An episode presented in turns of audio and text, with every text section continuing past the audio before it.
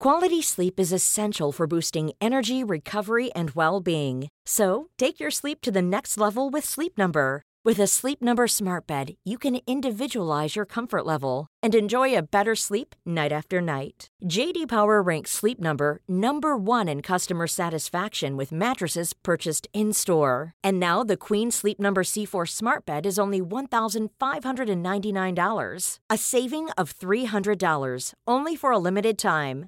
For JD Power 2023 award information, visit jdpower.com/awards. Only at Sleep Number stores or sleepnumber.com. Hey, I'm Ryan Reynolds. At Mint Mobile, we like to do the opposite of what Big Wireless does. They charge you a lot, we charge you a little. So naturally, when they announced they'd be raising their prices due to inflation, we decided to deflate our prices due to not hating you. That's right. We're cutting the price of Mint Unlimited from $30 a month to just $15 a month. Give it a try at mintmobile.com slash switch. $45 upfront for three months plus taxes and fees. Promo rate for new customers for limited time. Unlimited more than 40 gigabytes per month. Slows. Full terms at mintmobile.com. Vi är sponsrade av Mindler och som ni säkert vet sedan tidigare så är vi ju ute på psykologresan tillsammans. Men hur vet man egentligen när det är dags att söka hjälp? Ibland uppstår saker i livet som kommer utmana oss och kännas tufft. Det mesta självläker vi oss igenom, för vi är menade att ta oss igenom en viss mängd påfrestningar. Men ibland behöver man professionell hjälp för att ta sig ur jobbiga perioder i livet. Men vart går då gränsen? Vad är en del av livets skavighet och när är det läge att söka hjälp? Det sägs till exempel att stress är farligt, men att också kan vara bra. Alla sover dåligt ibland, så när har man egentligen sömnproblem? Ångesten kommer väl krypande för de flesta någon gång. Så när ska man se ångesten som outhärdlig? Hur vet jag? Med oss som psykolog har vi såklart min gamla psykolog Linnea Seidbrant. Okej, Linnea, hur mycket ångest är en del av livet och när ska man liksom söka hjälp för den? Ja, men ångest är ju en känsla som vi alla får då och då. Men när ångesten är så pass återkommande och intensiv att den påverkar ditt fungerande och orsakar ett stort lidande, då tycker jag att det är dags att söka hjälp. Sök hellre för tidigt om du är osäker. Då kan vi oftast med en ganska enkel insats förebygga svårare ohälsa. Och det är bra att tänka på att du förväntas ju inte kunna diagnostisera dig själv Mm. med någon fysisk ohälsa. Och det behöver du inte heller kunna göra när det kommer till din psykiska ohälsa. Vi kommer att hjälpa dig att avgöra. Gud vad det där är, alltså Det är det, tror jag är haken för så många, inklusive mig själv, att jag ska redan veta vad mitt problem Jag ska är ha innan jag kommer till... in. Ja. Ah. Jag ska komma till psykologen och säga hej, jag har liksom eh, PTSD och trauma och eh, kanske eventuellt ADHD och eh, är nedstämd och kanske en depression. Alltså, vet. Precis. Ja. Och vi, jag menar, vi har ju pluggat i fem år, vi psykologer, just för att kunna göra bra och grundliga bedömningar. Ja. Så lämna det till oss. Ja, gud vad, alltså varför? Ja, det är jätteintressant. Ja, verkligen. Ladda ner Mindler till din telefon och läs mer på mindler.se.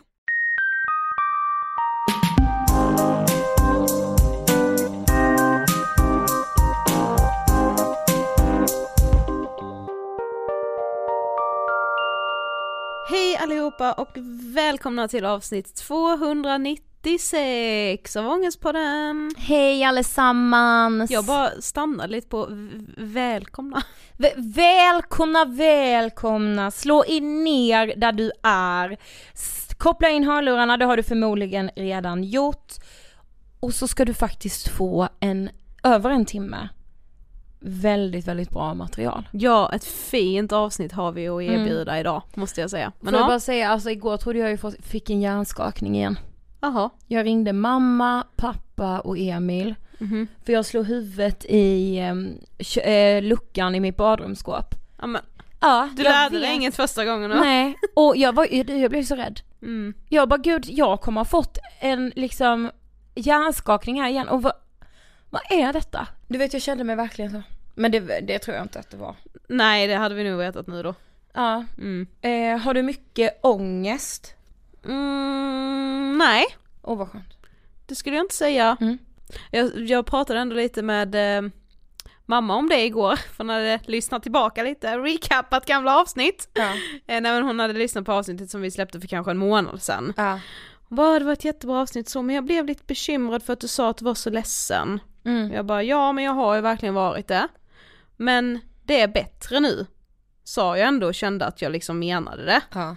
Eh, sen är det ju fortfarande liksom så här, ja men nu har jag ju liksom börjat i terapi då via Mendeley som vi ska prata mer om alldeles strax. Ja. Men liksom, eh, jag är inte i den liksom ledsna stämningen som jag var för bara typ en, två månader märker sedan. jag. Ja, alltså det jag liksom typ tänker att jag mår dåligt för nu eller det jag har tagit tag i nu är liksom mer generellt någonting Mm. som jag vill ta tag i för mig själv. Ehm, för att jag tror att det kan bekymra mig i framtiden om jag inte gör det. Men den här ledsna stämningen har jag lite kommit ur liksom. Mm. Jag är liksom på, på rätt väg känner jag ändå. Skönt. Så det känns bra, Mm. ja. Och inte så mycket ångest, i alla fall inte idag. Lite stressad så men eh, ja, det är bara, det kan ju vara normalt Men det är också. för du flyttar in i din lilla lägenhet. Ja liksom. precis, och vi ska iväg och föreläsa och det är liksom mycket på en och samma gång. Men Ja. det är ju bara, bara kul. Jag är liksom, ja, Ja, det är men jag är på en lyxigt. bra plats i livet! Nej men. Ja. Vi är denna veckan sponsrade av Mendley. Ja, chattterapi som är flexibel på riktigt. Och alltså vi har ju fått ganska mycket frågor på senaste tiden om när man kan, när man kan eller ska eller bör vända sig till Mendley. Ja. Eh, och det kan ju inte- det är inte alltid så lätt att veta. Nej men alltså verkligen jag, jag tycker det är en fullt befogad fråga och Mm. jag förstår till 100%. De flesta som liksom är nedstämda, känner oro, stress, har sömnproblem kan via Mendleys chattterapi få hjälp. Yes. Eh, man måste vara över 18 år för att använda Mendley. Det är också så att Mendley tillhör primärvården och därför kan inte Mendley såklart erbjuda hjälp för dig som behöver det inom den högspecialiserade vården. Sådana problem kan vara väldigt svåra att behandla via chatt och då tänker jag såklart på de här väldigt allvarliga sakerna som självmordstankar eller nyligen genomfört suicidförsök, självskadebeteende, ätstörningar, psykossjukdom, bipolär sjukdom, PTSD samt beroende av alkohol och eller droger. Eh, om du har någon av dessa problem så vill vi och Mendley rekommendera dig att vända dig till din vårdcentral för en bedömning och senare då säkert en remiss till en psykiatrisk mottagning eller beroendevård. Tyvärr så har Mendley inte möjlighet att skicka remisser. Men om man fortfarande är osäker då, om man är så här, är jag, är jag tillräckligt sjuk eller är jag för sjuk? Alltså, Mm. Men då, då tänker jag ändå så här att om man är osäker så vill vi och Mendley rekommendera dig att inleda en kontakt med Mendley. För så här, i början av terapin så börjar Mendley alltid med en bedömning och kommer ni sen då fram till att så här, det är inte hos Mendley som du får den bästa hjälpen, då kommer Mendley ge råd om vart du kan vända dig istället. Och har du frågor så kan du också kontakta Mendleys support. Mm, jag kan också tipsa om att när man har laddat ner appen, innan man får en kontakt med en psykolog så Ja. får man liksom svara på frågor eh, som man gör tillsammans med en robot då. Eh, och jag skulle ändå säga när jag svarade på de frågorna, alltså redan där får man en ganska tydlig bild av vart man befinner sig i sitt mående. Precis. För de är väldigt så här, tydliga och man får liksom skatta på en skala hur man mår i vissa, så här, hur mycket man har sovit och så, alltså Ja. det blir en bra tankeställare redan där och jag tror man känner redan då om det är rätt med chattterapi eller inte. Men som sagt, prova och så vet du om det passar dig eller ej. Ladda ner Mendley via App Store eller Google Play. Tack Mendley. Och som vi nämnde precis i början, det här är ett så fint avsnitt. Det känns som att vi säger så jätteofta nu för tiden, Ja. men vi har också fått göra så himla fina inspelningar den senaste tiden eh, med så viktiga ämnen. Vi har nog inte pratat så här mycket om självmord som vi har gjort de senaste veckorna tidigare i Ångestpodden. Nej, och också som vi ju ska göra Idag. Yes. Ehm, Frida Boysen gästar oss som ni ser Mm. och Frida är aktuell med boken Berätta aldrig det här. Ja. Och vi kommer att prata om Fridas mamma och det som hände på mors dag för ganska många år sedan nu. Mm. Eh, också om egentligen ett bottenlöst mörker och hur man liksom tar sig vidare. Mm. Väldigt mycket skam och skuld Ja, och eh, ja, nej men det här är bara, det är så fint. Eh, jag känner att vi behöver liksom inte prata så mycket nu innan avsnittet Nej. utan vi låter bara intervjun rulla. vi rullar intervjun med Frida Boysen. Varsågoda! Hej Frida och varmt välkommen till Ångestpodden. Tack snälla ni. Jag är så glad att du är här ska du veta. Men för de som inte vet, vem är du? Åh, ja men jag är Frida Boysen, journalist eh, från början. Eh, har jobbat som chefredaktör i massor av år för massa olika tidningar. Eh, programledare för Trolljägarna. Just det, som vann Kristall. Ja, Gud, grattis! Ja, det var så kul. Roman Ja. och jag vann i torsdags. Ja. Det var Ja, så värda det. Mm. Ja, det, var, det kändes faktiskt jättestort. Jag Ja. blev alldeles rörd och tårig och eh, tacksam för det. Så det, var, det var stort. Mm. Och så vad jag gör mer, talar eh, mycket eh, och, och ja, har, har bildat Talarnas, en talarförmedling. Ja, Eh, det. och ja, vad gör jag mer? Jag skriver böcker. Ah. Och nu har jag skrivit en bok som heter Berätta aldrig det här. Mm. Den ska vi prata om idag. Men jag tänkte faktiskt på det, för jag pratade om, eller med mina föräldrar om det och de bara, ha Frida Boysen, ja henne vet man ju så här, vem det är. Men man, du har liksom gjort allt känns det som. Alltså, man har alltid sett det i medielandskapet, alltså alltid, alltid. Ja, det har väl blivit. Jag har ju varit lite runt, runt krönikor har jag skrivit massor i Ja, Expressen och exakt. Aftonbladet och allt möjligt. Och, ja, jag vet inte, det har, det har väl blivit en del Ja. genom åren så att säga. Mm. Ja, nej men jag tycker det är roligt. Eh, du ska först få så här standardfrågan i Ångestpodden. Vad tänker du på när du hör ordet ångest? Eh, ja, jag tänker nog på min egen ångest ett, lite grann. Eh, och ehm, ja, jag blir väl lite rädd också faktiskt. Mm. Jag, jag blir rädd för jag, jag tycker ångest känns eh, läskigt. Det, Mm. Jag blir rädd. Mm. Men du är som sagt aktuell just nu, Mm. framförallt med din bok Berätta aldrig det här, som handlar om din uppväxt skulle man kunna säga och din mammas självmord. Mm. Eh, och vi skulle liksom vilja börja lite i din uppväxt. Du växte upp i Eslöv och Göteborg. Mm. Hur ser du själv tillbaka på din eh, uppväxt eller din barndom? Ja, men först känns det ju som att jag har ju haft en väldigt lycklig barndom på många vis. Eh, Min mamma var verkligen världens bästa mamma när jag var liten. Vi gjorde så mycket mysiga saker. Det var under många år bara hon och jag. Pappa var liksom kom och gick som en, jag vet inte, Pippis sjörövar pappa ungefär sådär. Man visste aldrig vad han var. Eh, vissa tider i mitt liv var han där, vissa var han inte alls där. Kallade dem inte ens för pappa, kallade dem för Peter. Eh, för att han kändes mer som någon slags besökare. Eh, Men mamma och jag vi var ju supertajta, vi sjöng jättemycket, bakade, hade supermysigt. Eh, Men jag kände mig verkligen att jag var viktig och att min röst betydde något. Jag tror verkligen att hon eh, ja, närde en journalist vid sin barm Mm. på något vis och gav mig jättemycket kärlek och trygghet. Mm. Hur hade du det, alltså hur var du liksom i skolan? Var du så här, jag kan, om jag får gissa, Gissa på! så var du väldigt så här ambitiös, du hade höga betyg. Är Ja, det det, det? stämmer faktiskt. Ja. Ja, ja, ja, ja, nej, men jag, jag hade lätt för mig i skolan får jag väl säga. Eh, och nej, men jag tyckte det var roligt.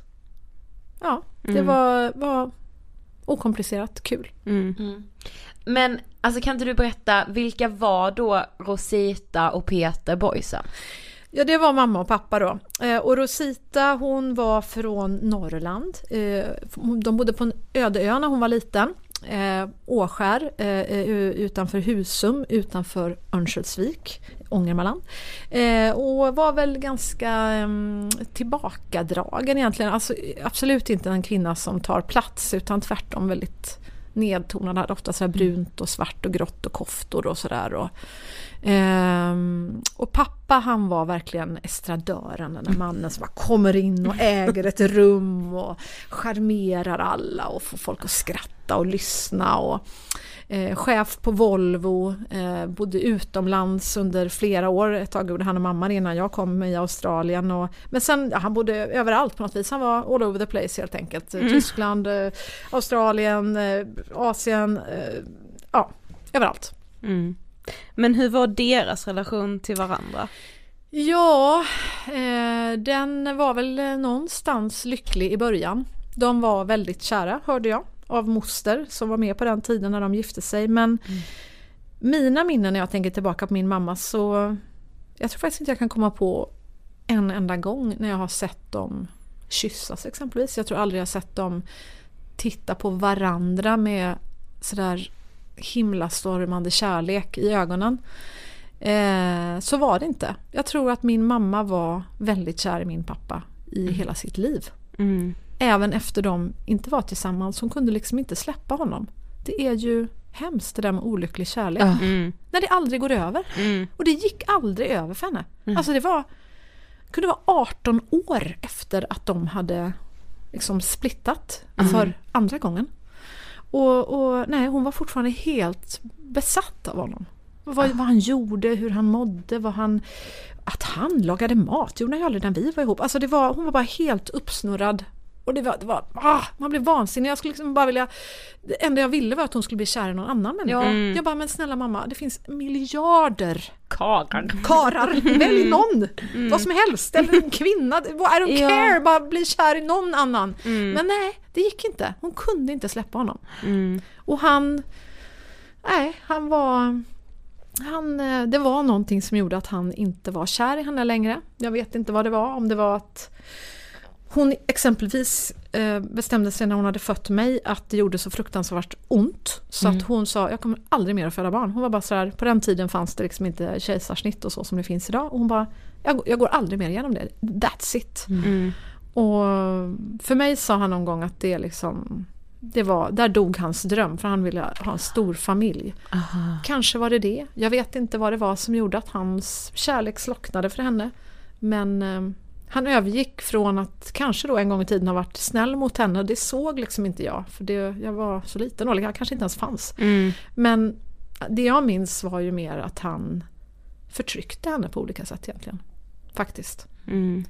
Jag såg inget fysiskt våld mot henne men det kunde mer vara såna där grejer som att när hon log som allra störst och var för någon gångs skull lycklig. Det var någon sån här familjefest vi hade haft, och haft gäster där. Hon hade en- för någon gång tagit på sig en sån här rosa och byxdress och var urringad för en gångs skull och, och hade väl tagit några glas och hade haft så himla trevligt. Och, hon bara sådär gnistrar av lycka och verkligen bara sitter där och ser så här riktigt kär och superlycklig ut. Och då säger min pappa att Rosita bara en sak, tänk på att le inte sådär stort. Det, ser så jävla fult ut när ditt tandkött syns. Och jag kommer ihåg det, jag glömmer liksom aldrig. Jag bara kände så här men... Och du vet, mammas leende bara dog ju på en sekund. Och mitt leende dog. För jag har också smala läppar. Så att när jag ler jättemycket då syns mitt tandkött också. Och jag tänkte, jaha, okej, så pappa tycker jag ser skitful ut jämt när jag är riktigt lycklig. Mm. Jag bara känner, hur kan man säga så till en Nej, människa som man har lovat att jag ska leva med dig, vi ska vara ett team, jag ska göra allt för dig. Och så säger man, vet du vad, varenda gång du är riktigt lycklig, då ser du så jävla ful ut. Ja, fy Hur kan man fan. säga Nej, så? det... Nej, jag vet inte. Alltså, man tappar orden för att det är så... Nej, det är så hemskt. Jag vet också att du beskriver i boken eh, någon gång när ni sitter och äter middag tillsammans och din mamma har gjort eh, köttbullar eller vad det är. Du beskriver i alla fall att du tycker det är jättegott. och det han så här, ja, och att han också sitter och är tyst under hela middagen och det enda han säger är att det typ hade kunnat vara lite mer salt i såsen. Alltså det är någonting Ja, han hittar som är det- negativt. Ja, det, såsen var tyvärr lite mesig. Ja. och, och lite beklagande i minen. Och då hade hon ändå du vet, stått och gjort sådär inlagda gurkor enligt något recept som han precis ville ha. Stått och rullat de där köttbullarna i timmar medan han hade varit på golfbanan som vanligt. Och jag hade liksom sett hur hon verkligen hade lagt ner sig, gjort potatismos och stompat Ja. det precis som han ville ha det med sådär så att man kände att det var lite potatisbitar i. Oh, Och jag ser att han det slevar låter i. så gott. Ja, det var så gott! Och han liksom bara slevar i så jag ser att han gör det bara när han tycker det är riktigt gott. Ja. Och ändå kan han inte ens ge henne det. Alltså man... Nej, det, det, var, det var... Ibland känner jag såna där små nedtryckargrejer, alltså det dödar en människa. Mm. Och jag bara såg hur hennes leende bara dog allt mer för varje dag. Och det Mm. blev bara elakare och elakare och ja, det var hemskt. Och jag försökte på något vis medla, pigga upp. Det vet man. Som man gör som barn Som också. barn, man försöker Mm. så här, det enda mitt liv gick ut på var ju att försöka få de här två människorna att vara glada och snälla mot varandra Mm. och försöka pigga upp, eh, Ja. styra samtal när man såg att aj, aj, aj, aj, nu, nu, nu, kommer vi, aj, aj, aj, nu kommer mamma bli förbaskad här för nu säger han att han vill golfa igen och då blir hon jätteledsen och jag kan ju hitta på något annat så att vi börjar Ja. prata om något annat. Kan, eh, ska jag hitta på något vi kan göra som pappa kan tänkas gå med på på något mystiskt vis? Ja, du vet, Ja, pappa älskar att prata om sig själv, jag ställer en fråga om honom så blir han, då blir han glad. ja, Ja. ja. Och, och tänk det sådär barn tror jag tänker. Jag vet inte om vi har glömt det vi som är vuxna. precis. Det tror jag. Gud, det tror jag. Man glömmer ju också bort jättesnabbt att barn fattar mer än vad man tror. Jo. Alltså bara, men de förstår inte, de kan inte läsa mellan raderna. Jo, barn kan läsa mellan raderna. Jag tror barn är bland de smartaste Ja, människor vi har. Ja! De ser också signaler och sånt, just som du Precis. beskriver, så att du kunde se eh, när din, alltså vad en min i din pappas ansikte betydde. Nu är han ledsen, nu är han arg, nu är han irriterad, alltså man läser ju alla sådana tecken också. Ja, Ja men precis, det är ju så. Barn är så himla, alltså jag tror de är så, de, deras känslospröt är så utvecklade för Mm. alla de här små signalerna som vi kanske som vuxna ibland tappar. Men Ja, barn, Precis. deras överlevnad hänger ju jättemycket på att de vuxna omkring dem ställer upp och Mm. mår bra. Och därför så, ja. mm. ja. Men när du är 11 år så skiljer de sig för andra gången va? Mm, precis. Hur, hur är den tiden liksom?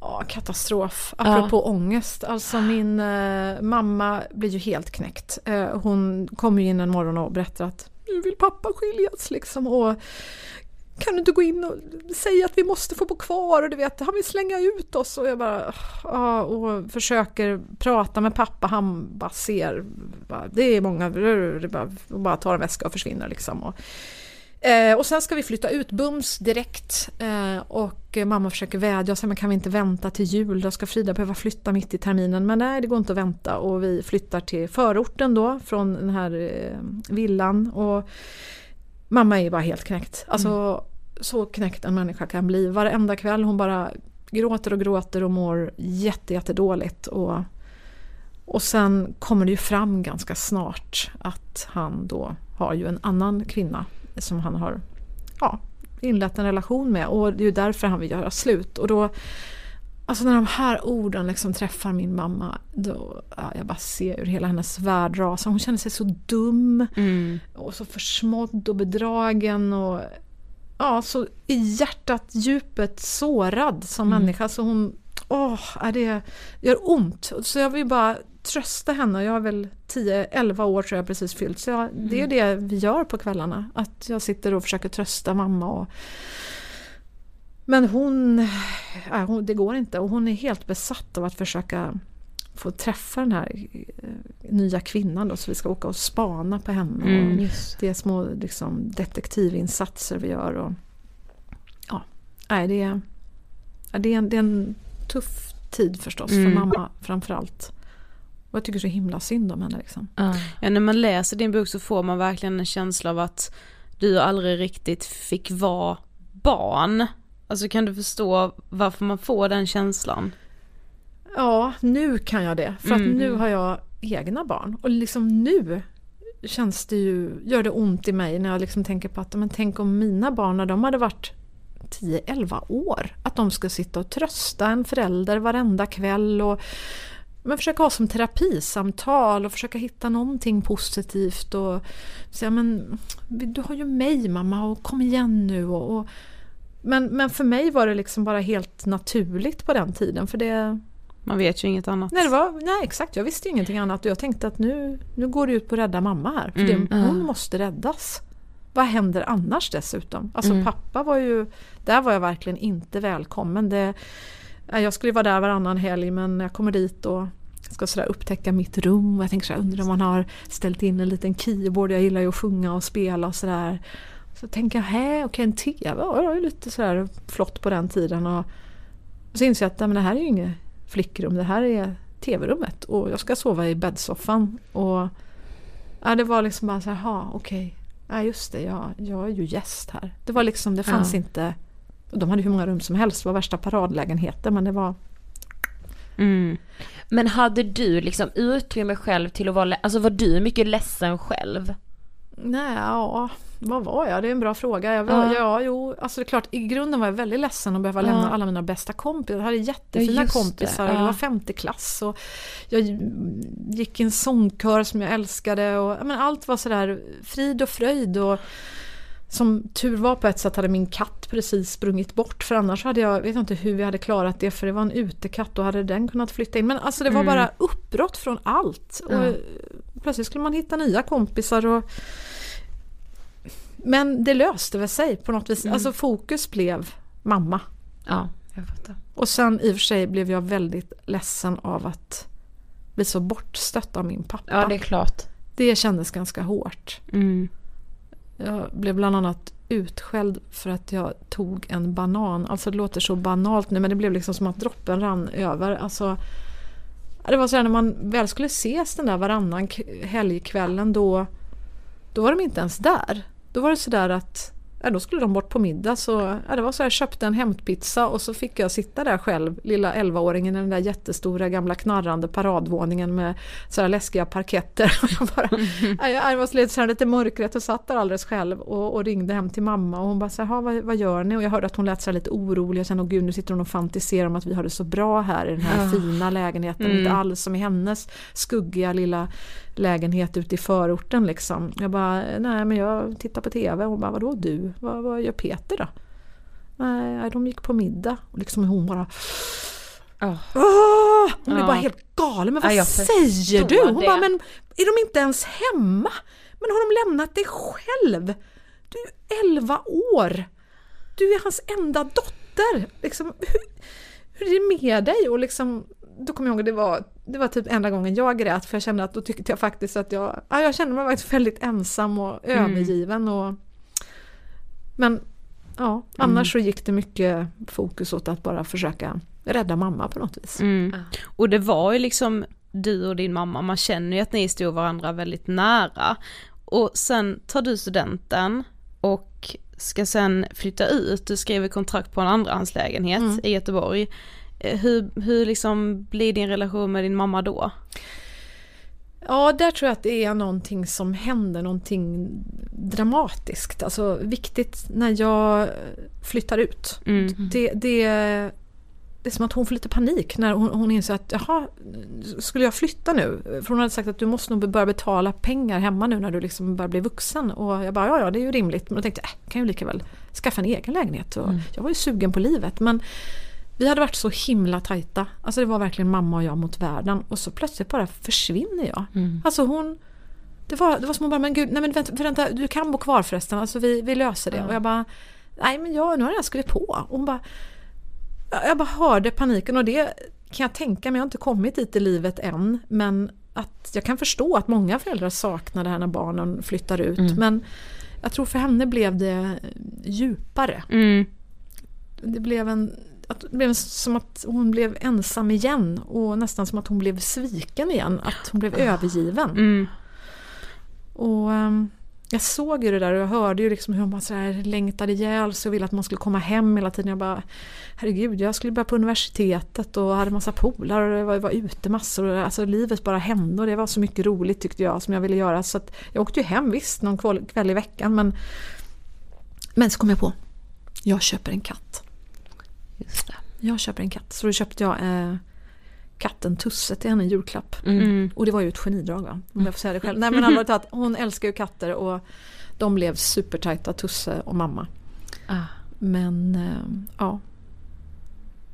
Men hur var liksom er vuxna relation? Alltså när du fick ditt första barn och så? Mm, nej, då, då gick det ännu mer åt skogen. Ja. Alltså alla såna där milstolpar i livet när jag flyttade hemifrån, när jag fick mitt eh, första chefredaktörsjobb. Ja. Eh, Jag skulle ringa och berätta om det. Då säger hon först sådär grattis och blir sådär varm på rösten. Jag tänker åh vad hon, hon är faktiskt stolt över mig nu och jag blev sådär glad. Och sen kom liksom frågan mm, och, och hur gör du med Tilda?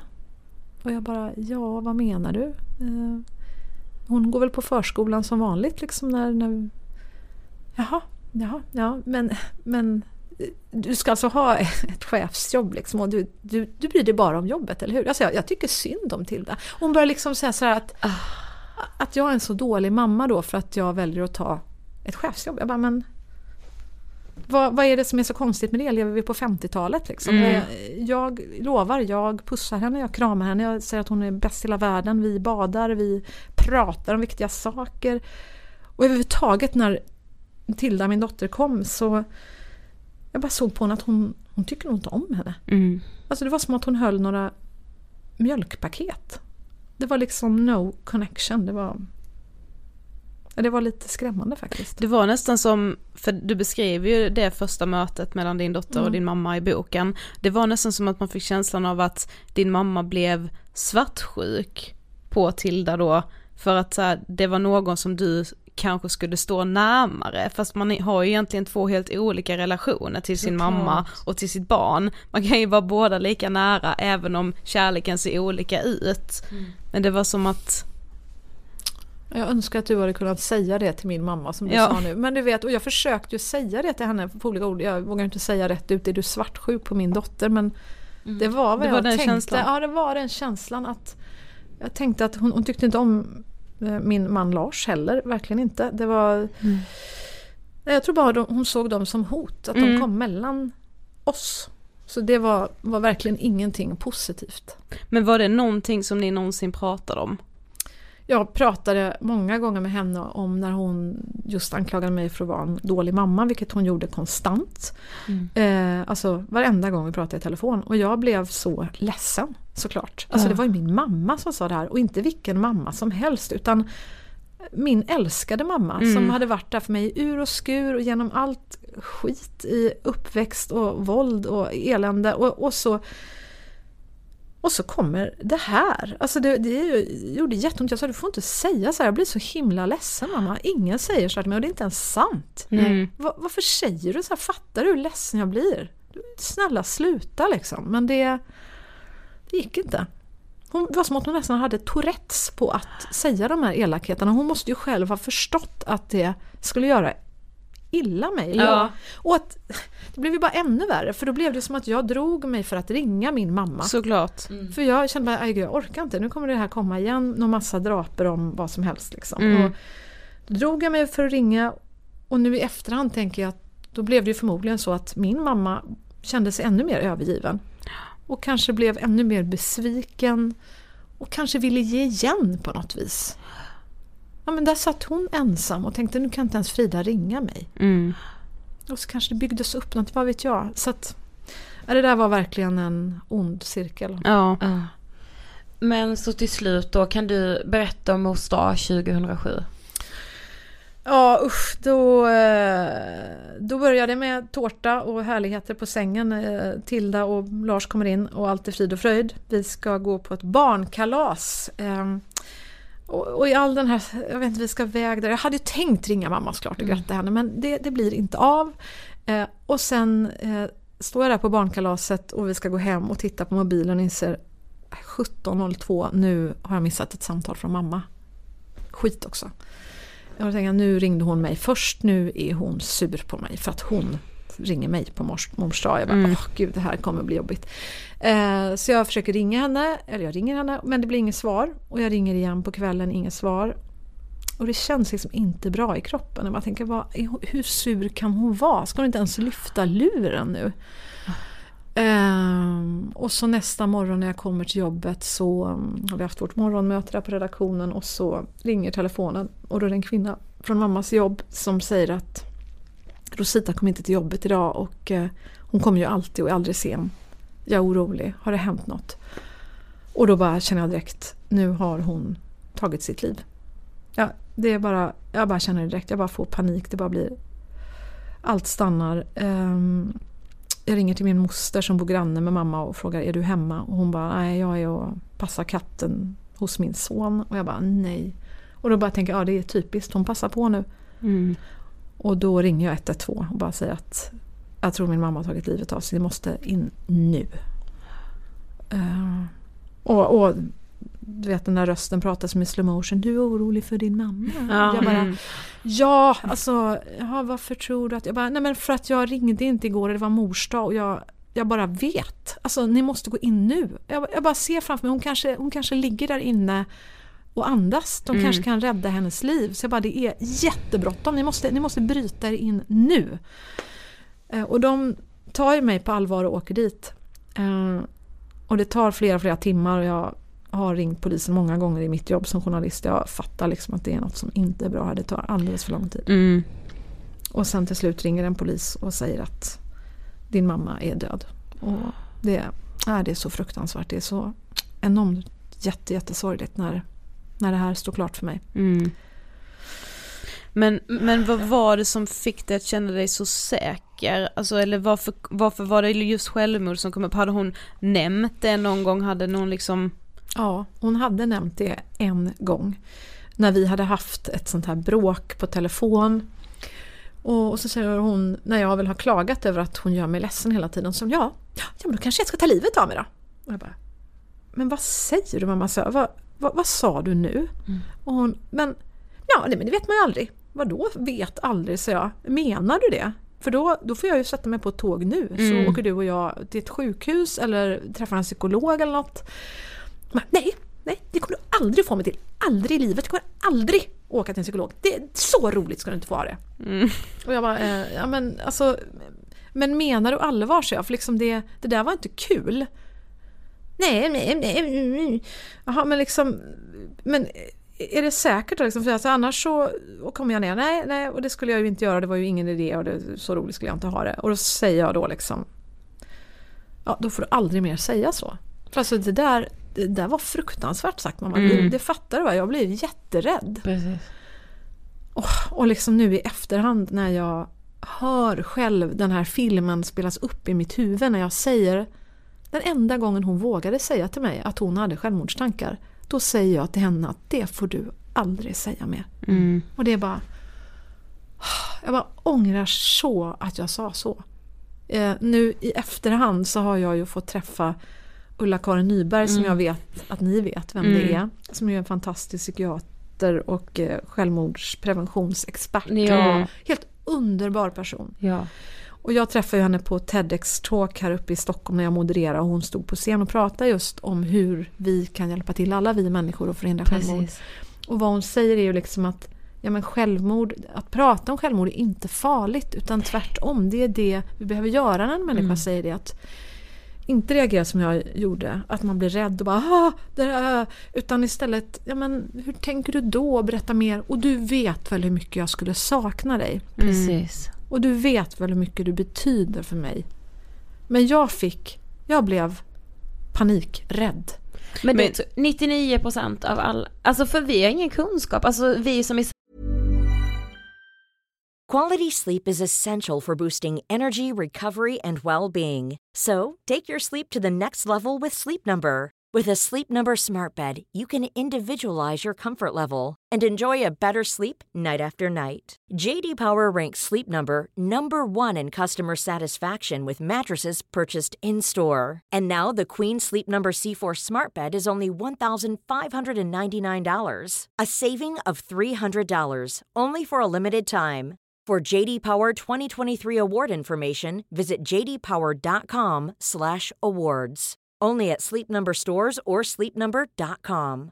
Hey, I'm Ryan Reynolds. At Mint Mobile, we like to do the opposite of what Big Wireless does. They charge you a lot, we charge you a little. So naturally, when they announced they'd be raising their prices due to inflation, we decided to deflate our prices due to not hating you. That's right. We're cutting the price of Mint Unlimited from $30 a month to just $15 a month. Give it a try at mintmobile.com slash switch. $45 upfront for three months plus taxes and fees. Promo rate for new customers for limited time. Unlimited more than 40 gigabytes per month. Slows. Full terms at mintmobile.com. Samhälle har ju ingen kunskap. Nej. Jag tror också att, alltså även fast jag vet det och har hört det så många gånger tack vare Ångestpodden så hade min mamma sagt så hade jag kunnat säga likadant. Sen kanske jag ganska snabbt hade så här, fast vänta lite nu, hur är det nu egentligen man ska göra? Mm. Plocka fram den här informationen du har lärt dig nu Sofia Hallberg. Men men till en början hade jag kunnat säga exakt samma sak för att man blir ju rädd samtidigt. Ja. Och kanske lite arg också om man på något sätt ser det om, det, om någon slänger ur sig det som är ett bråk, kanske man ser det som ett hot och då blir man arg. Precis. För att man säger, vad är det du säger liksom? Är det här ett tomt hot nu som du ska komma med? För det är inte okej. Ja. Ja, men Ja. precis det ni säger nu tycker jag är så viktigt. Ja. Jag är jätteglad att ni gör Ångestpodden och pratar om de här otroligt viktiga frågorna. Och jag som då eh, pluggade på Journalisthögskolan för typ tusen miljoner år sedan vid det här laget, där fick vi också lära oss att vad ni än gör, och det här är första terminen på Journalisthögskolan, vad ni än gör, skriv aldrig om självmord. Berätta aldrig om självmord, bara rör det inte. Och det är liksom... Varför inte? Nej, och Alltså, jag, jag snackade med en annan journalist här nu i, om just boken eh, och hon eh, var en ung journalist nyutexaminerad bara för något år sedan. Hon sa att det var exakt samma formulering. Och det står exakt Nej jag samma... ryser för att Ja, jag blir så förbannad. Alltså, Alltså, det står exakt samma formulering kvar i våra etiska regler för journalister. Pressetiska reglerna. Och, och jag ryser också när jag hör det och jag blir så arg att vi liksom, dels får då alla journalister lära sig det här Årskull efter årskull matas vi ur, ut, blir eh, chefer på eh, radio, tv, Ja. tidningar eh, och vi blir inskolade i den här och tystnadskulturen. ha det med sig. Ja. Det, och jag har dessutom jag har pluggat media och kommunikationsvetenskap, har jag en fil. kandi. Jag har pluggat lite sociologi, psykologi, retorik. Eh, jag har mer pluggat pedagogik eh, ja, och journalistik då. Alltså jag tror jag har pluggat motsvarande sex år på universitetet. En sak lärde jag mig om hur man ska kommunicera om självmord. En enda sak och det var att det ska vi inte prata om. Ja. Tystnad, tystnad, tystnad. Alltså det, Ja, det är det är katastrofalt. Ja. Ja men jag vet, jag blir Det- precis lika för då- arg vadå, som ni. så- Jag, blir, man jag bara, bara hallå, så här ställa mig upp och skrika. Det är ju livsfarligt. Alltså, vi- Exakt. det, vi, han, det, det handlar om liv och död. Det handlar om liv och död och det handlar om att om vi bara får lite mer kunskap om det här ämnet om, och, får lära oss vilka ord man kan säga som verkligen gör skillnad. Då kan ju våra ord rädda liv. Och jag fattar inte, man ska inte behöva gå på universitetet för det här. Jag tycker alla barn Ja, men det är allmänbildning. Från start i skolan. Ja, ja, ja, ja. Alla överhuvudtaget, alla vuxna allihop. Men låt oss börja någonstans. Vi lär ju oss hjärt och lungräddning på idrotten. Så Exakt. varför inte? Ja, ja, och det gör man ju flera gånger. Det gör man ju mellanstadiet, Ja. högstadiet. Ja, För Alltså, det ska man inte glömma bort Nej, utan så det man ska upprepar det. upprepas. Men gud, nu förstår jag varför så många, för vi är ju inte utbildade journalister, Mm. men jag förstår ju varför så många när vi har blivit intervjuade ibland är så här. Men, men ni kan ju inte gå in på för mörka saker, ni kan ju inte prata om men hur gör ni det då? Mm. Hur säger ni det då? För att, för att liksom det är som att man kan ta upp allting, men om man skulle ta upp självmord, då helt plötsligt handlar frågan om, men vi kommer trigga någon till det. Mm. Okej, så då ska vi inte prata eller? Men jag- man säger så om allt, alltså vad Jag tror Ah, också det är mm. lite, och det kanske du också har, har tampats med nu när du har skrivit boken, att man är så rädd att kränka personen som har tagit sitt liv. Alltså man är så rädd att, att den, in, den personen inte vill att man berättar om vad som egentligen hände. Ja det kan jag tänka mig att min mamma hade ju verkligen inte uppskattat att jag skrev den här boken. Nej. Alltså som sagt hon var för, till att börja med en, en ganska inte en person som ställde sig mitt på scen, att hennes ansikte som nu är på omslaget av den här boken liksom ska ut över hela Sverige, det tror jag hon hade fått panik över. Och att dessutom berätta hur vi verkligen hade det i vår familj och allt hon var med om och jag var med om. Nej usch nej, hon hade verkligen inte Nej. gett sitt tummen upp. Men eh, jag tycker att det, jag hoppas mamma om du är med någonstans att du ändå förstår och att jag tänker så här, om, om den här boken bara kan göra något litet för att någon annan människa där ute inte ska behöva vara med om det här. Mm. För liksom bara värt allt. Ja. Vi måste börja prata om det här. Och jag, jag bad ju Ulla-Karin eh, Nyberg då läsa den här eh, boken på manusnivå för jag bara kände att jag vill inte göra fel. Jag, jag vill ju inte att den här boken ska komma ut och att någon ska säga Ja men du vet mardrömmen att det blir något tvärtom liksom att, Mm. att någon känner att ja, men det här vore väl en bra idé. Alltså så jag bara sådär Säg som det är nu och hon bara sådär, ja, den här boken sa hon alltså det och då bara ja, ja jag sträckläste den. den alltså, Ja, ja, så- men det är det så vi bara- håller på att göra hon nu. bara, så den är så himla viktig sa hon och så himla bra och kör. Det, Mm. Hon sa faktiskt sa hon, "Nej, men det här kommer förhoppningsvis att rädda liv. Ja, Mm. men som jag sa till dig när du kom idag med, gud är du med? Nej men så sa jag det att så här, alltså som anhörig, jag sa till min pappa att så här, du måste, måste läsa den här. Eftersom vi förlorade då min faste för fyra år sedan. Och den, alltså också för, som efterlevande, alltså att den känns som ett sånt stöd. Så enormt verkligen. Åh, Och det, alltså det ska du verkligen också ha med dig. åh, tack Hela, gud jag blir du. så rörd. Åh gumman, man vill bara kramas. Ja, så... sitter vi här i covid Ja, jag vet, det är för jäkligt. Åh. Eh, men du åker ju till Göteborg där din mamma bodde. Eh, där du liksom får beskedet. Mm. Alltså kan du beskriva vad är det som händer liksom när du går in i hennes lägenhet? Ja, eh, jag är ju på min vakt. Eh, Lars och Tilda får vara kvar i hallen lite för vi vet ju inte riktigt vad som händer. Vad, hur ser det ut där inne? Jag vill inte skrämma henne. Hitta först ett försäkringsbesked på köksbordet. Och jag bara, vad är det här? För det var liksom vår kommandocentral på något vis, det här bordet. var där vi lämnade alla meddelanden. Och då står det liksom, ja försäkringen är här med uppsagd och så står det liksom livförsäkring. Och jag bara, vad är det här? Är det här, är det här meddelandet till mig? Är det här allt? Eh, det kändes ju inte bra. Eh, går in i hennes sovrum, drar ut skrivbordslådan och där ligger det ju det här brevet som det står Frida på. Eh, och jag vecklar upp det och ja, jag, jag går ju igenom i boken ex- exakt vad det står men sen moralen eller vad hon vill, verkligen vill säga med det här det är ju nu fick du som du ville. Och där, eh, apropå ämnet ångest, alltså ja, det var som att jag, ja, jag vet inte, jag tror jag skrek rätt ut. Ja, det var sån chock att hon kunde tro i sin sista stund i livet att det här var det jag ville. Det var ju precis tvärtom. Det var det sista jag ville. Och att hon ville lägga skulden på mig. Och att hon ville, det var det hon ville. Hon ville att jag i resten av mitt liv, varje mors dag, skulle tänka att jag hade mördat min mamma. Ehm, och det gjorde jag. Och jag, det var det jag tänkte på hela tiden. Och så sa ju min pappa när jag ringde till honom att Frida, vad du än gör nu, berätta aldrig det här. Aldrig.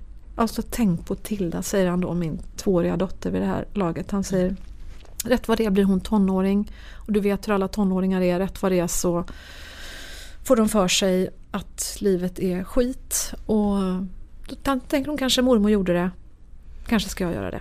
Så nu får du tänka på din dotter. Jag vet att du brukar skriva om allt men inte det här. Lova mig det. Och han liksom blir verkligen sådär, går in i sitt chefsjag. Och, och då tänker jag, jag menar herregud han ställer min dotters hälsa liksom här. Och det är klart att hon, hennes hälsa är viktigare än allt. Absolut. Så då, då lovar jag honom det, att jag aldrig ska berätta det här. Inte ens för henne. Och jag berättar inte det här för mina barn. Förrän alldeles nyligen. De har ju frågat hur många gånger som helst. Vad var det, vad var det som hände med mormor? Var, varför dog mormor? Och jag har ju försökt liksom säga eh, sanningen men ändå inte. Jag har liksom typ sagt ja men det var något som gick sönder i huvudet har jag sagt. Ehm, och det tror jag ju att något gjorde. men eh, det är väl det jag har sagt ungefär. Ja Mm. men vadå, var det cancer? Nej det var det inte men jag, jag, jag vet faktiskt inte riktigt vad det var. Det är ju inte riktigt sant. Men, eh, men å andra sidan har jag ju inte riktigt förstått. Nej. Men, men eh, visst, jag har ju inte sagt som det är att hon tog sitt liv. Förrän väldigt nyligen då. Men, men ehm, ja. Men hur skulle du säga att den närmsta tiden efteråt här blev för dig? Ja, det var ju mycket kaos. Eh, Jag mådde fruktansvärt dåligt. Eh, Jag, jag, alltså vissa perioder kände jag att jag inte kunde andas. Eh, Och jag, jag, jag såg liksom blod som rann på sovrumsväggarna fastän det ju inte var något blod där. Så att det, eh, det, alltså jag kände så att det var outhärdligt. Jag, jag, jag åkte bil i Stockholm och hade ingen aning om vart jag var på väg eller varför eller vad jag höll på med överhuvudtaget. Och då kände jag att ah, men nu, nu måste jag ha hjälp för det här går inte längre. Det här är inte, jag är inte frisk längre. Liksom. Så då ringde jag till då en, ehm, ja vad heter det, någon slags psykologgäng. Mottagning. Ja, precis, mottagning som jag ehm, kände till också sen Göteborg sen tidigare. Så jag tänkte att men de här är ju etablerade och bra liksom. Eh, och de skulle vara experter på kristerapi. Och jag kommer dit och börjar då nästa dag berätta den här historien för den här terapeuten som sitter mitt emot. Och jag kommer inte särskilt långt i den här berättelsen förrän hon säger vänta, vänta, vänta, så hon, eh, jag, får, jag får avbryta dig lite grann här nu för jag tror, jag tror inte vi kommer så långt med det här utan eh, om du tar de här eh, grejerna och ser ser hon liksom två plastmanicker som jag ska hålla i vänster och höger hand och så, och så du behöver bli lugnad, det är det du behöver bli. vaggad. Du vet, du har ju ett barn, du vet ju, de, man vaggar dem när det liksom blir jobbigt sådär, så då känner de sig trygga. Och det, det är lite så vi, vi kommer behöva jobba med dig här. Eh, och jag bara, jaha, jag fattar ingenting. Och det kommer kännas lite konstigt här nu, men, men, men nu kör vi. Och så bara, bit, bit, bit. Och så liksom rycker det till i min höger och vänster. Och så, så, går, så kommer det elchocker i mina händer. Och jag Ja, jag kommer ihåg att jag bara grät. Alltså jag bara kände för, att, för mig själv faktiskt den här gången. För att jag bara kände att alltså det här är så... Vad är det här? Alltså är det Ja. ett skämt? Jag tyckte det var så... ja, Jag kände mig själv, ja, men hur, vilket vrak har jag blivit och hur patetiskt är det här? Här ska jag sitta och bli... Och hur ska jag bli lugnare? Jag blev bara skrämd och rädd varenda gång de där chockerna kom. Ja. Eh, jag ville bara berätta. Och till och med när jag går till en psykolog får jag igen samma besked. Ja. Berätta inte det här. Mm. Shh, shh, tyst, tyst, tyst. Nu chockar vi bort det här. Vaggar bort det. Jag bara, jag fattade ingenting och jag nej, gick hem och kände att hit går jag aldrig igen. Nej. Nej. Men tyvärr kom jag av med lite grann med hela det här terapibiten. Ja, jag jag hade nog det. mått bra av att gå Mm. till någon vettig psykolog. Jag vet ju att det finns Jo, flera man blir inte jätteoptimistisk när man... Nej, jag, tyvärr blev jag väldigt bränd där. Men, Ja, jag förstår. Jag, nej men när jag läste just den delen så, alltså för jag har inte hört om det.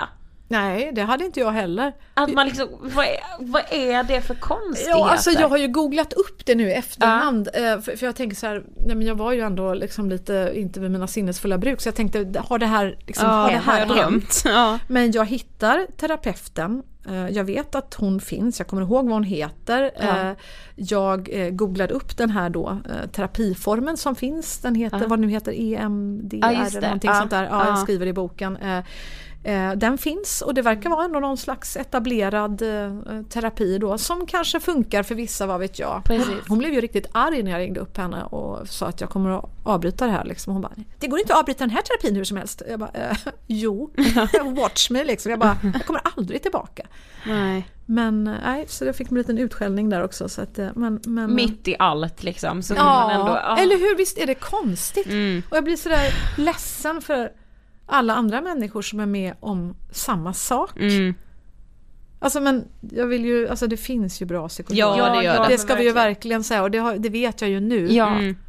Men som anhörig så uppkommer det ju ofta mycket skam och skuld kring just självmord och ja det kan ju komma även om man inte har fått ett avskedsbrev där det i princip står att det är ens eget fel. Mm. Men hur har du liksom hanterat den skammen och skulden? Ja, alltså eh, jag fick en fantastisk hjälp att hantera den när den var som absolut värst när jag tänkte att Alltså när jag vaknade den där första morgonen efter att mamma hade tagit sitt liv Ja, men vet, för då var jag på något hotell i Göteborg och kände så här, åh vad skönt, så här, åh härliga lakan, ni vet som det kan vara. Och sen bara slår den sån där insikten i huvudet. Mamma är död. Du har mördat din mamma. Och så börjar hela den där. Och jag bara känner, jaha, det är så här mördare har det tänkte jag. Mm. De vaknar en morgon, om de har något slags samvete i kroppen, och så bara tänker att jag är en mördare nu. Varje morgon kommer jag, och jag tänkte jag kommer aldrig sluta gråta. Jag kommer alltid gråta resten av mitt liv nu. Och alltid tänka det, den första tanken. Eh, men jag fick hjälp av en fantastisk människa som heter Anita Thunberg som är en präst i Degerfors i Värmland. Och eh, hon var då mamma till en kompis till mig, en kollega på jobbet.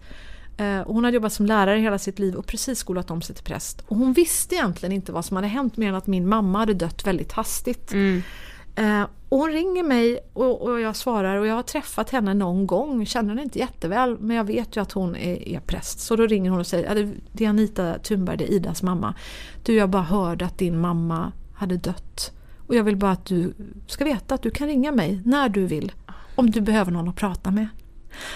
Och jag, bara, jag var så chockad då för det var precis den här dagen när jag hittat det där brevet så jag bara sa tack och jag, jag kunde inte ens prata och lä- lägger på. Men sen när det har gått ett gäng dagar till och jag bara eh, står inte ut för Mm. att jag går omkring och håller på att bli helt knäpp av sorg och kan inte ens andas. Då, då ringer jag henne. Då kom jag på att men hon sa att jag kunde ringa henne. Och hon, hon räddar liksom livet på mig den kvällen. Att hon bara, ja, Och varm värmländsk. Ja, men jag vet. jag. Nej, men hon är, alltså tack Anita säger jag bara och tack alla andra människor där ute som är såna där fantastiska medmänniskor. Alltså det Ja. var inte, inte ett ord om Jesus eller Gud eller något utan hon var bara, hon var bara en sån här medmänniska. Ja, men Bara någon som lyssnar ja. med sin trygga det röst och. Mm. och liksom bara vill ja, hjälpa den här människan som går igenom en kris. Mm. Och för alla de tankarna, alltså när det bara maler på insidan, det Mm. måste ut. Ja, Alltså precis. det är så Ja, viktigt. men, man- ja man kan inte hålla det inom Nej. sig liksom. Nej, för då går man sönder på insidan. Ja men precis så kändes det. Så att det var ju en sån befrielse att få berätta för någon som var en god människa. Ja. Så, ja. Men efter också, alltså precis tiden efter, pratade du och din pappa någonting då om liksom det som hade hänt eller? Nej, eh, det gjorde vi ju inte förrän efter mammas begravning som pappa råkar missa. Just det. Eh, men i alla fall, eh, så då sitter vi hemma hos honom någon kväll och då Ja, men han har ju inte haft någon Anita att prata med och jag tänker att han nog kände ganska dåligt samvete faktiskt Ja. över sin del. Det var ju liksom mammas beslut givetvis men, men han vet ju vad han har gjort Mm. Precis. i många år mot henne och han, han kände nog tror jag, som du precis sa, en, en skuld säkert. Mm. Så då pratar vi en, en del ändå om det där och ja, allt som har hänt i deras liv. Så, så det är klart, nå, någon gång, en kväll har vi i alla fall ett rejält snack. Mm. Men har, alltså så här i efterhand, har du eller liksom någon av din mammas anhöriga tagit del av någonting, alltså typ tecken på att hon mådde dåligt eller finns det några journaler från att hon har sökt hjälp på något sätt eller liksom Nej, journaler har jag faktiskt inte ens tänkt på att begära ut men moster och jag, alltså mammas stora syster som är ja, en av mina absolut närmaste människor i livet Mm. och alltid har varit. Hon är hon heter Yvonne men eh, jag kallar henne bara för moster precis som man säger mamma är mamma. Alltså hon är så nära och hon är även mina barns moster för jag har inga syskon så hon har liksom, Ja. de har ingen mormor och morfar och ingen farmor och farfar längre så att hon är allt för dem. Det där. Och hon är så himla fin. Men hon och jag har ju verkligen lagt pussel och försökt, som jag liksom försöker gå igenom i den här boken och liksom, vi reder ut vad, vad var det som hände. Det blir som en detektivresa genom historien på något vis. Och mm, hon mådde ju jättedåligt också för det var ju små grejer som mamma hintade som hon gjorde till mig också. Och det var många år som varje gång jag var och hälsade på moster eller hade med mig eh, en eller två av barnen. Och så, alltså, så fort det hände någonting roligt eller något fint, att de hade lärt sig att cykla eller vad som helst. Alltså hon bara, jag bara såg hur tårarna kom, hon bara liksom började vifta och, och jag bara, men moster hur är det? Hon bara liksom försökte liksom skydda sig, bara så, ni vet, som att man Ja. försöker slå bort något. Jag bara ser, jag bara känner hennes tanke att enda hon tänker är Rosita, Rosita, Rosita, varför är du inte här? Ja. Alltså, du, du skulle ha fått uppleva det här, dina barn. Ja. Du vet, hon bara, det blev bara kaos i hennes inre och, och ja, det var så tufft för henne för det här var en av hennes lilla syster och de bodde så nära Mm. och de gjorde så mycket och hade så roligt. Och, ja, det var, för henne var det ju en jätte, jättesorg och ja, Mm. ma- mamma hade hintat små grejer till henne mer men hon hade precis som jag blev, blev rädd. Mm. Vågade Ja. inte prata om det. Och du vet när vi pratar tillsammans när det här har hänt. Ah, Jag bara känner, men gud, att vi inte pratade tidigare. Mm. Men vad kunde det vara för hintar? Nej men det var exempelvis att hon hade gått till en läkare Mm. och eh, bett om sömntabletter. Och hon sov dåligt, hon hade problem, hon hade sån här eh, eh, vad heter det, sömnapné. Ja, och det, ja. snarkproblem och hade en, en snarkmaskin som hon kallade det. Ja. Eh, och, och den där var ju jättejobbig, hon hade problem med det där. Så jag menar, moster visst, hon fick ju de här tabletterna av läkaren för att hon sa det här. Mm. Men hon hade väl sagt någonting i stil till moster att "Ah, nu har jag vad jag behöver. Så att, och liksom hade haft något sånt där leende och hon hade sagt någonting om några servetter och någon servetthållare. Att liksom, ja, ja de, de kan ju ni ta sen. Liksom. Och såna där grejer Mm. som i efterhand så kände, ja, Då är det så uppenbart. ja men... det är Men det uppenbart. är inte det i stunden. Alltså Nej. för det vet jag med med min faster, saker jag har tänkt i efterhand. Som jag bara, hur kunde jag inte fatta det? Varför vill hon ge farmor och farfars gamla brev till mig? Mm. Det var så viktigt att hon skulle ge dem till mig och jag tänkte, ja hon har väl hittat dem när hon har rensat någonstans. Då var det dags för mig att få dem. Alltså, ja men typ, inte men mer sen i efterhand så tänker jag ju bara, vad fan fattade jag inte det? Men det gör man kanske inte i stunden heller. Alltså, Nej. Nej, men det var ju ändå en eh, ganska eh, vad ska man säga, en- ändå en diffus signal. Ja, Hon hade ja. ju ändå kunnat hitta dem och tänkt att men de här vill jag att du ska ja ha. precis. Eh, spännande du som är intresserad. Ja men precis. Mm. Den är svårare. Ja det är den. Men ja. Men ja. ja.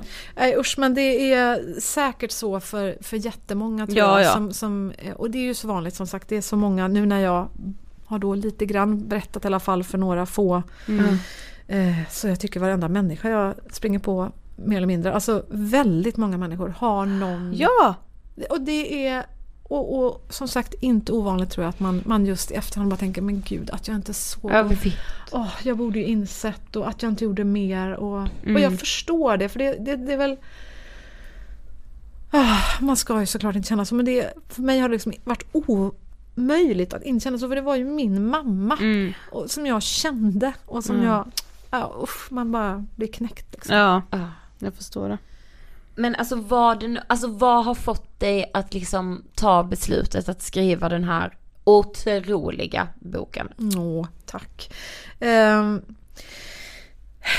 när jag väl berättade till slut för våra barn. eh, det var ju för att eh, självmord kom, kom närmare dem i deras liv och deras vänskapskretsar och sådär. Och, eh, och de sitter vid, vid vårt matbord en morgon och börjar prata om det här. Jag ser ju vilken sorg, vilka frågor de bär på i sina ögon. Och Ah, till slut känns det bara helt omöjligt att hålla det här löftet till pappa. Mm.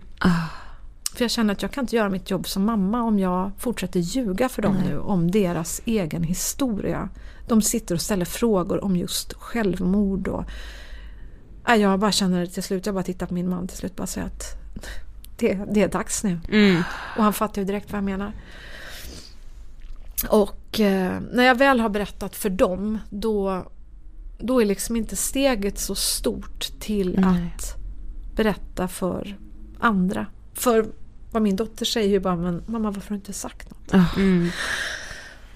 Och man liksom bara, "Ja, varför har jag inte det? Nej. Varför har jag hållit det här idiotiska löftet? Mm. Som är ett ont löfte. Det, det kommer ingenting gott av det. Att bara stänga inne all den här skulden och skammen och, och fortsätta hålla den här tystnadsmuren. Jag som ändå har gjort till min livsuppgift på något vis och allt vad jag har gjort i mitt yrkesliv har ju varit att berätta om vad jag tycker är viktiga saker som jag tror kanske kan hjälpa andra att För jag tror jättemycket på berättandet. Mm. Ja. Och det vet jag ju att ni också gör. Ja. Ja. och, och då kände jag, nej men nu måste jag försöka berätta den här historien. Och då åkte jag iväg och försökte göra det. Och då gjorde jag det i tre dagar. Åkte jag ner till Palma och bara stängde in mig på ett hotellrum och kände nu nu ska jag ner i det här som Ah. jag har bara stängt alla portar till och förseglat med massor av lås. Nu måste jag vända upp de där låsen och in och återuppleva alltihop. Mm. Och det gjorde jag det. Och dyrt hotellrum var det också. Jag kände för säkerhets skull så att jag verkligen skulle skämmas om jag kom hem. Ja. Bra taktik. Ja, alltså jag kan tipsa om. Eh, Och jag bara skrev liksom från morgon till kväll. Jag hade satt upp en stenhård eh, budget. Jag skulle komma hem med 100 000 tecken hade jag bestämt mig för. Och då gjorde jag det efter tre dagar. Och, och då skickade jag ett mail till fyra förlag som jag tycker är bra. Och kände att då sa jag det, jag tror jag har något skitviktigt att berätta. Ja. Mm. Vad tycker ni? Eh, och de hörde faktiskt av sig alla fyra direkt. Det blir jag väldigt glad över. Jag blev Ja. också helt chockad. Då är inte de rädda för Nej, att... jag, herregud, jag har, nej, de var inte rädda. Nej. Det får jag ändå ge all cred till de här väldigt eh, fantastiska förlagen får jag säga. Det var fyra jätte, jättebra förlag allihop och jag var och träffade de här eh, och de var otroligt eh, duktiga allihop känner jag och de verkligen, verkligen så att det här är en viktig berättelse. Den här måste du berätta. Och, och, liksom, och så till slut bestämde jag mig för Bookmark som eh, har varit helt fantastiska i den här processen får jag säga och har hjälpt mig. Eh, för det, är- det är ju svårt att navigera och framförallt att Ja, skära ner allting. Ja. När jag väl, det var som att öppna den här porten, då, då fanns det hur mycket som helst. Så Ja. att det bara eh, flödade, jag har bara suttit och gråtit och gråtit hela sommaren. Jag har varit en helt värdelös mamma och fru. Förlåt Lars och Tina och Arvid, förlåt. Men äh, jag har Jag suttit tror de och, förstår. Ja, Det är jag helt övertygad om. Ja, Ja. de är världens bästa verkligen. Men eh, ja, så att det har varit liksom, så har förlaget sagt, ja, alltså nu, nu är det jättebra Frida, nu, nu behöver vi bara ta bort hundra sidor till. Och man bara, Ja. Oh no! Och jag, Ah. alltså, vet, ah, jag hade det värsta så här, nej du vet det har liksom gjort så ont. Ja, försökte plocka bort att det plocka klart. bort, jag bara, men då kommer de ju inte förstå om jag tar bort det här kapitlet. Man, jo men de kommer att förstå. Jag bara, ja men det känns tufft liksom. Och det har varit som en förhandling om alla de här kapitlerna liksom. Så Ja. att, det är klart. Men det tänkte jag med på, din man Lars, var han med helt med dig på att jag vill berätta för barnen? Ja. Ah, Han, vad han var skönt. direkt, jag bara såg in i hans ögon och, han bara, Kör. ja han bara kör liksom. Det var Mm. bara en, en nick och han var liksom bara helt Mm. klar och varm i sin... Han, han, han gav det helt till mig. Ja, den förstår- jag dagen jag ville berätta då var det liksom självklart. Ja. Men hur mår du idag? Eh, ja, bättre. Mycket bättre. Eh, och jag märker ju att jag är... Alltså det är konstigt. Jag trodde att jag var immun mot den här berättelsen på något vis. För jag har ju suttit och skrivit den här hela sommaren. Vartenda ord jag har gått igenom. Och, men jag sitter, jag kommer precis från att läsa in ljudboken. Ja, Alltså det, ibland går det bara inte. Alltså det tar bara eh, slut och så hör man liksom teknikern till slut i öronen sådär Frida, hallå, hur går det? Är du okej? Och man bara "Åh." Nej, så får man dricka lite vatten och försöka eh, ta det lite lugnt. Men så att ja, känslorna finns ju där såklart och jag Ja. kommer, det här kommer alltid vara min livs, hoppas jag, största sorg. Mm. Jag hoppas inte jag ska behöva vara med om något värre. Eh, men det, det har varit i alla fall väldigt skönt och befriande kan jag, jag säga. det. att Det måste vara så det skönt att berätta, alltså Ja, prata om det nu. Ja, ja, absolut. Man brukar ju snacka om det här att det blir bättre när man släpper ut trollen i ljuset och så. Ja. Och det, det är det. Ja, Ja. känslorna har ju funnits där men har har du ändå varit bra på att så här låsa in dem i den där kistan och sen liksom inte öppna upp förrän du åkte till Palma och då skulle skriva den här berättelsen. Alltså, Ja, jag tror faktiskt det har Ja. varit det. Alltså jag har ju Det finns så mycket distraktioner idag som man kan liksom distansera Precis. sig Och det, jag från. menar, det har ju varit ganska ironiskt. Jag var ju under eh, flera år chefredaktör för Topphälsa. Ja. Just Som det. är sådär må bra inifrån och ut. Det var Mm. vår slogan en utav dem. Ja. Mm. Och jag tror ju verkligen på det. Ja, att, ja, ja. att det går ut på det. Men samtidigt så var det ju som att jag kände mig lite, lite sådär förljugen. Mm. Att jag ändå bar då på det här som jag inte berättade. Eh, så att ja, det känns otroligt befriande. För jag säga. Mm. Och jag kan ju verkligen rekommendera det om det är någon annan där ute som lyssnar och bär på en sån här tung hemlighet och kanske skuld och eh, skit. Att om man inte orkar eller hittar kraften att våga berätta för någon annan så börja skriv då. Mm. Och Jag, jag har märkt att jag skrev om en krönika om, om våld för ett tag sedan. Eh, om, om att bli slagen som barn. Och jag kan säga att det var så många som skrev. Och som skrev tyvärr att jag har aldrig berättat det här Mm. för någon. Och det var många vuxna människor. Det var människor som var ni vet, 45, 55, 65. Som har gått i ett helt liv och, bara burit på det här. Och man märker ju att det är såna sår. Jag känner ju när jag läser de här orden att de gråter när de skriver. För de mår så dåligt fortfarande. Så eh, jag önskar att vi blir fler som vågar berätta och inte hålla de här löftena om att vi inte får berätta. Nej, Nej. För det, det stämmer inte. Nej, Nej. så sant. Men liksom ditt mod, alltså jag är liksom så berörd men också så inspirerad av ditt mod. Mm. Åh. Jag menar att du sitter, att du pratar om det, att du eh, gråter, visar dina känslor. Det är liksom, alltså jag bara såhär, det är det vi behöver. Det känns som en revolution att Nej, göra det. Och styrkan i att våga göra det fast man vet att det finns personer då som, som din pappa som skulle vara emot det liksom. Men du Ja. gör det för din skull. Det är det som är så viktigt.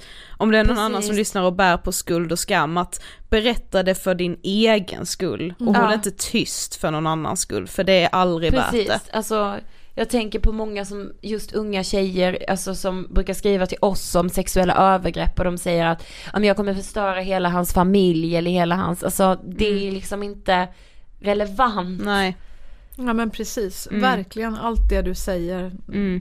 allt det ni säger skriver Ah. jag så under på verkligen. Mm. Ja, Så berätta, berätta, berätta. Mm. Och jag, jag önskar så, alltså det är verkligen min dröm med den här boken att, att människor ska läsa den förstås men också verkligen att det inspirerar fler att våga berätta, Mm. inte sitta där. Ingen ska någonsin säga till dig berätta aldrig det här. Nej.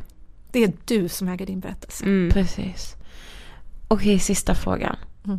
Den handlar mer om livet, men vad inspirerar dig? Åh, ja, mina barn förstås inspirerar mig jättemycket. De är helt underbara. Jag lär Hur mig- gamla är de nu? Ja men Arvid har precis fyllt 12 och Tilda har precis börjat gymnasiet. Hon är 15, gud. ska Oj. fylla 16. Hon är ascool. För nu tänker jag liksom, nu när jag läser så att hon är 4-5 så bara hur gamla är de? men precis, hon bara växer och växer. Ja, då. Nej, hon är snart lika lång som mig. Eh, Hon, är, ja, hon, har precis börjat på en singer-songwriter-utbildning på Kulturama. Oj! Ja, Wow. och är väldigt kreativ och målar fantastiskt. Och, och Arvid är sjukt allmänbildad. Han har bättre koll på, på nyheter och politik och världsläget än vad jag har typ. Fast han är 12. Ja. Ja, så det, Det är ett gamla gott för journalist, betyg. mamma. Ja, nej, men han är, alltså jag lär mig så himla mycket av dem. Eh, de är fantastiska. Och sen inspireras jag av att träffa människor. Att få träffa er har varit otroligt lärorikt och inspirerande och fantastiskt. Verkligen. Eh, Ja. och, och jag menar att vara journalist har jag tyckte eh, för mig har varit otroligt roligt just för att jag är nyfiken. Jag tycker det är kul att lära mig saker. Det tror jag de flesta av oss tycker. Och Mm. precis som ni träffar människor så har jag också fått göra det väldigt mycket genom mitt liv. Och ja men du vet, jag talar, då får jag träffa massor av människor. Ja. Man lär sig någonting varenda gång av varenda, Varenda möte. varenda människa. Så Mm. att, att varenda människa jag träffar egentligen lär mig någonting och det är jag så himla tacksam över. Ja. Mm. Inspireras av det, av nya möten. Och det tror jag att vi måste bli bättre på att ja, försöka möta nya människor. För det är så himla roligt, man lär sig så mycket. Ja. Och blir inspirerad. Ja men det är verkligen så. Ja. Tusen tack för att du ville gästa Ångestpodden. Tack för att ni gör Ångestpodden. Tack. Tack! Åh gud, alltså jag blir så tagen. Ja, det kände jag att jag också var, och det var vi ju redan. Nej men det var ju så mycket tårar. Och... Ja men och vi läste ju boken innan vi Ja. träffade Frida så att vi var ju liksom lite typ i chock när vi läste boken Mm. men vi visste ju ändå vad, vad vi skulle få höra på. Men Mm. ja, tack så jättemycket Frida. Dels för att du vill gästa Ångestpodden, men också för att du har släppt den här boken. Ja, att, Det du har, kommer- att du har orkat skriva den Ja. är jag för evigt tacksam. Ja, och den kommer betyda så mycket för så många. Det är jag liksom, ja men jag är så övertygad om det. Ja, den heter som sagt Berätta aldrig det här, finns överallt där du hittar böcker. Ja, både fysiskt och online. Exakt. Ja, med det sagt, eh, hösten rullar vidare. Ja, och Ångestpodden med den. Ja, självklart. Vi hörs nästa vecka. Precis som vanligt. Hej då!